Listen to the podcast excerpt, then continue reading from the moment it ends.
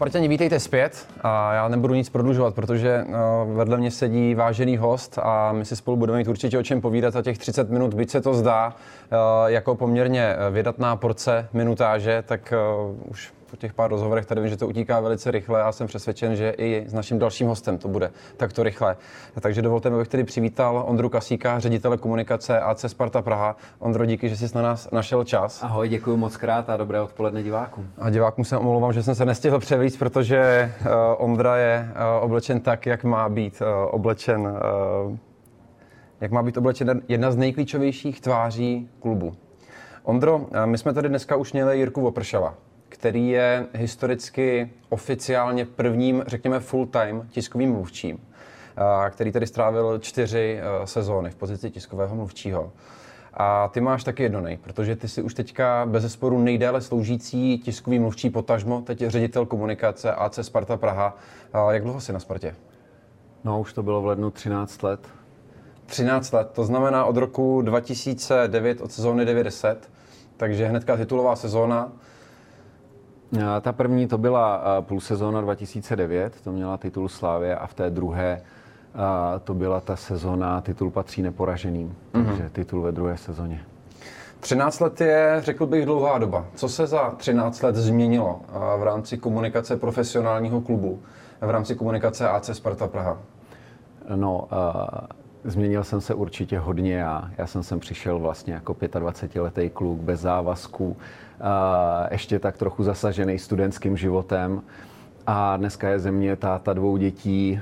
Myslím si, že jsem se nějakým způsobem posunul i profesně. Ona, ta otázka je poměrně těžká pro někoho, kdo je tady těch 13 let fakt jenom s malou nadsázkou každý den, protože když někdo stlousne nebo zhubne, tak ty si toho nevšimneš, když jsi s ním vlastně každý den v kontaktu ale když ho třeba vidíš po půl roce nebo po roce, tak, tak na první dobrou hned vlastně poznáš ten rozdíl. A změnilo se to určitě v digitalizaci, v tom, jakým způsobem komunikujeme, v tom, že dneska jsme schopni vlastně sami produkovat 24-hodinový stream. To byla nemyslitelná věc. To, že máme uh, vlastně jako in-house v úvozovkách PR agenturu, to, že eh, generujeme spoustu obsahu a jak kvalitní lidi my jako klub si můžeme dovolit eh, tady mít v tom týmu. A to jsou všechno věci, které se jako rozvíjely eh, postupem těch 13 let. Takže první bod, který výrazně změnil styl komunikace, digitalizace? Jednoznačně přechod z papíru do, na obrazovku a potom z té počítačové obrazovky na displej mobilního telefonu. Protože to, byla, to musela být zásadní revoluce, jelikož Dříve uh, byl zdroj skutečně uh, vážen, vážené, vážené médium, kde získat mm-hmm. informace. A teďka v podstatě každý má to své médium v ruce a ze samotných hráčů se staly ty zdroje informací. Uh, je tohle ta nejvýraznější změna, kterou v té kariéře si tady zaznamenal, protože dřív to asi bylo jednodušší ukočírovat ten tým jako celek, ale teď je to možná o, o tom kočírování špatné hmm. slovo, hmm. o tom nadefinovat, jak mají komunikovat ti jednotliví hráči, hmm. které v moment, kteří v momentě, kdy přijdou do Sparty, tak jim takhle naroste počet followerů na Twitteru, Instagramu a rázem jsou sami tím médiem. To byla spousta otázek najednou. Tak já začnu tím vlastně, že ten zlom, tak jak my jsme ho vnímali a vnímáme do dneška, přišel v tom, že my sami k našim fanouškům dokážeme uh, vlastně generovat zprávy. To znamená, není tam žádný uh, mezičlánek. Dřív my jsme museli vydat tiskovou zprávu. Tu tiskovou zprávu nějakým způsobem poupravilo médium a to ji v té už poupravené podobě a se svým výkladem přeneslo směrem k fanouškům fanoušek měl omezenou možnost, jak být v kontaktu s tím klubem, protože buď si ráno přečetl cestou do školy nebo do práce noviny a pak vlastně jako v úvozovkách tu Spartu odložil a pak třeba se k ní vrátil večer, když se koukal na branky body vteřiny. Dneska sledování toho klubu je kontinuální a my máme možnost vlastně ten náš obsah dostat k tomu člověku přímo. Dneska se dá říct, že někteří lidi, pokud mají zájem, tak můžou uh, vlastně se Spartou opravdu žít skoro 24 hodin denně. To je, uh, to je věc, která je uh, na jednu stranu jako velmi příznivá, na druhou stranu dvousečná. Je to taková sinusoida, protože zatímco vlastně při nástupu, um, řekněme, téhle doby v tom nebyl žádný otazník, tam v tom nebylo nic, řekněme, negativního. Vlastně i ten, i ten, kdo, kdo od nás přijímal ten obsah, najednou byl vděčný za to, že, že tam není žádný ten mezičlánek v podobě uh, média. Uh, uh, postupem času a to sleduju dost zásadně, se dost, začala dostávat do těch lidí, kteří konzumují nejenom náš obsah, ale obecně, začala se do nich dostávat trochu nedůvěra. Nedůvěra k tomu, že k tomu obsahu, protože ho začali to poučenější publikum číst jako pr sdělení. To znamená, vlastně ta doba se trochu obrací a my si musíme dát ještě víc jako záležet na tom, jakým způsobem a jaký obsah my k těm lidem venku vlastně dostáváme a snažit se, snažíme se být jako co nejotevřenější. A úplně typickým příkladem je formát buď v týmu, skutečně nekomentovaně ukazovat nějakou realitu, tak, abychom byli důvěryhodní, protože dneska vlastně, tak jak před těmi 10-13 lety lidi říkali, já už nepotřebuju ten e, konkrétní deník nebo tu televizi, a protože mám tu moji Spartu a ta mi to vlastně ukáže sama, tak dneska a někteří, a jsou to titíž lidi, říkají, no ale tohle já, tenhle rozhovor nebo tohle téma já nechci e, ze spartianského kanálu, ale já ho chci zpátky, jako od toho mezičlánku, protože je takzvaně jako objektivnější. To množství informací, které sama Sparta je schopna generovat, toho, toho týmu je, je široké, ale zároveň fanoušci chtějí stále víc. Ty by chtěli nejradši absolutní otevřenost, eh, což je něco, co je asi nemyslitelné. Jaká je, kde je ta hranice toho, co ještě jako může jít ven a kdy už zkrátka není možné vyslyšet ty fanoušky, kteří by chtěli i díky sociálním sítím hned teď reakce konkrétních osob? Hmm. No my se musíme minimálně pokusit těm očekáváním přiblížit, eh, když už je nenaplňujeme stoprocentně. Ten element fanouška je v tom strašně důležitý, protože my to, eh, ten obsah vyrábíme za prvý pro sebe, abychom my byli nějakým způsobem spokojení s naší prací, s jejím eh, objemem, s její kvalitou. A na druhou stranu my potřebujeme, a ten primární cíl je v tom, aby byl spokojený ten náš uh, divák, ten náš fanoušek, ten, kdo je na té druhé straně. Takže uh, Myslím si, že máme, uh, máme ještě možnosti, kam se posouvat. Myslím si, že je to daný asi i mírou otevřenosti celého toho prostředí. A já jsem velký fanoušek amerického fotbalu a NFL a sleduju pár těch inside formátů z NHL, jako je Behind the Bee, třeba z Bostonu Bruins. A, a tam vidím, že to jde dál ještě. Je tohle cesta, kterou chce Sparta jít a v jaké době se třeba můžeme dočkat to už je skoro absolutní otevřenost. Tam už jsou ve hře skutečně mikrofony, které jsou skoro eh, non-stop na vybraných hráčích a člověk slyší úplně všechno. Eh, je to něco, co v krátkodobém horizontu je relevantní pro, pro Spartu, nebo zatím ještě ne? Já bych jednoho dne hrozně chtěl jet třeba do Bostonu na stáž, eh, protože mám pocit, že, že to že jsou k tobě absolutně otevření. Máš ty jako ten divák, ale že to tak vlastně nebude úplně z té druhé strany. Uh, já tam občas, jako že tam ještě je nějaká těch, ta cenzura, v tom nebo... obsahu se snažím hmm. hledat to, co tam jako ještě chybí. Jo? A nacházím tam nějaký místa a mám proto velký pochopení, ať už co se týká zdravotního stavu těch hráčů, uh, nebo řekněme, nějakých transferových spekulací. Jo. Třeba uh, ten Boston to dělá tak, že uh, v rámci toho behind the beaty potom vidíš třeba, jak probíhá draft, jo, že tam hlavní scout, hlavní trenér, celý ten jejich štáb a malujou si ty jména, uh, kdo na tom draftu ještě je pro ně k dispozici, nebo když tradujou hráče ale za prvý oni ti to nedají celý v záznamu, nedají ti to živě. To znamená, já si myslím, že i tam, přestože jsou v té otevřenosti mnohem dál, než je, řekněme, evropská sportovní scéna, vyjma třeba Manchesteru City, tak, takže pořád tam ti vlastně neříkají všechno, protože ani z nějakých objektivních důvodů nemůžou. Um, kdyby si ty jako ředitel komunikace chtěl tuto vyšší míru otevřenosti prosadit, jak, těž, jak těžké to je v prostředí Sparty? Kdo všechno by musel dát zelenou na to, aby se řeklo, pojďme být ještě více otevření, pojďme být ještě uh, více, uh, poskytujme rychlejší zpětnou vazbu fakt těch nejvyšších členů Sparty. Hmm. Jaký by to byl proces, aby k tomu došlo? Já si myslím, že na to je úplně jednoduchá odpověď. Hráči, trenér, sportovní ředitel. E, ti, kterých se to opravdu nejvíc týká. ti, o kterých, ty, který natáčíš, jo? protože od nás je to někdy svým způsobem tak trochu nespravedlivý tlak, protože my si něco přejeme, no ale my jsme v té v uvozovkách komfortní roli za tou kamerou nebo za tím foťákem, ale my přinášíme ty jejich příběhy, to, co se děje vlastně v tom jejich světě. To znamená, komfortní by s tím určitě museli být hráči, hráči, trenéra, sportovní ředitel. Přičemž um, trochu poodhalme, je, jak, jak, jakým způsobem je v tomto ohledu nastaven, nastavena teďka ta kabina, kabina, respektive to, ten sportovní úsek? Jak to cítíš? A co se týká co se týká kabiny, tak eh, a to můžu za těch 13 let porovnat, tak samozřejmě otevřenost eh, směrem k výstupům do fanoušku a do veřejnosti je mnohonásobně vyšší. Je to, je to atmosféra a prostředí, ve kterém se pracuje daleko líp v mnoha ohledech než před těma 10-12 lety. To je daný tím, že vlastně máme v kabině generaci, která vyrostla na sociálních sítích, která sama se řadí mezi konzumenty toho obsahu, ať už od klubu Premier League, nebo klubu NHL, nebo klubu NFL. Takže oni tomu rozumí i z pohledu toho diváka. A zároveň už sami jsou i schopní to tvořit. Přesně už. tak, přesně tak. A to je téma, který jsme zamluvili, ty hráči a jako vlastně generátoři obsahu.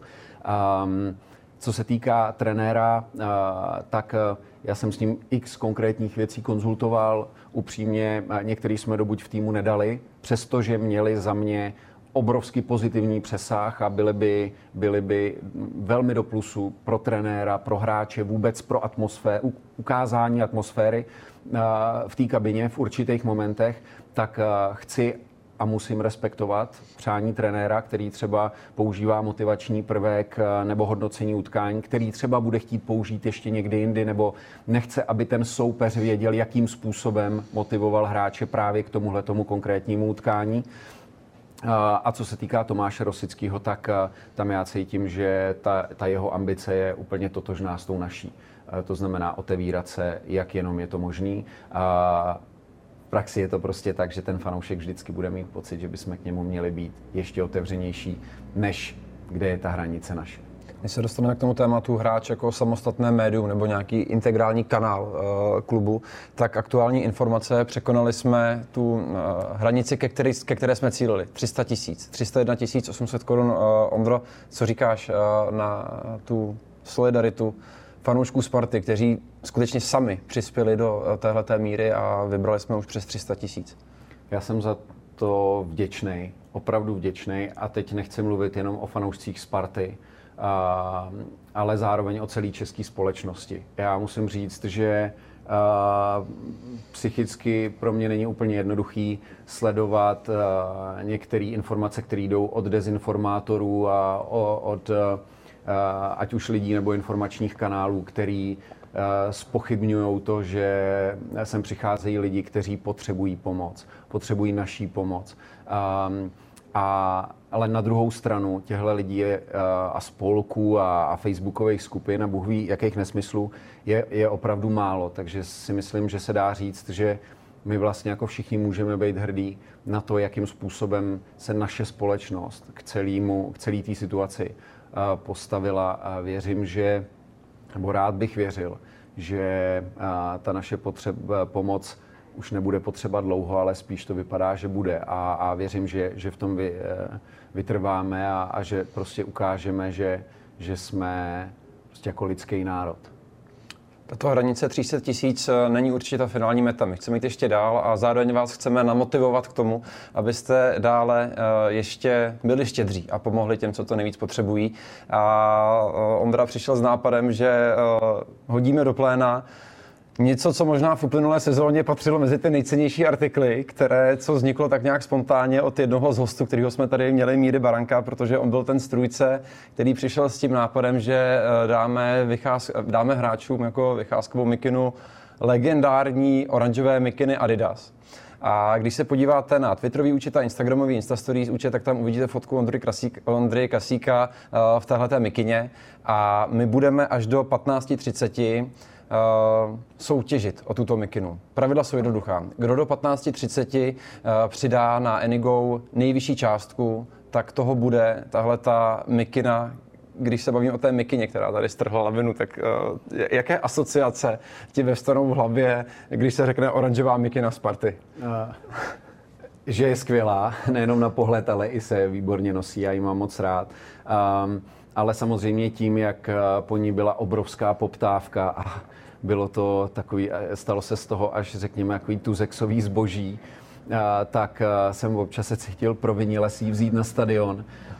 Na druhou stranu, myslím si, že aspoň takhle je to, je to skvělá příležitost pro jednoho z lidí, který přispěje fakt na dobrou věc a zároveň prostě za to, za to bude moc nosit tuhle mikinu, kterou já mám rád, když si na sebe třeba oblíknu mikinu nebo vezmu si něco, co vím, že není eh, jenom kus oblečení, třeba tričko a má to pro mě nějaký význam.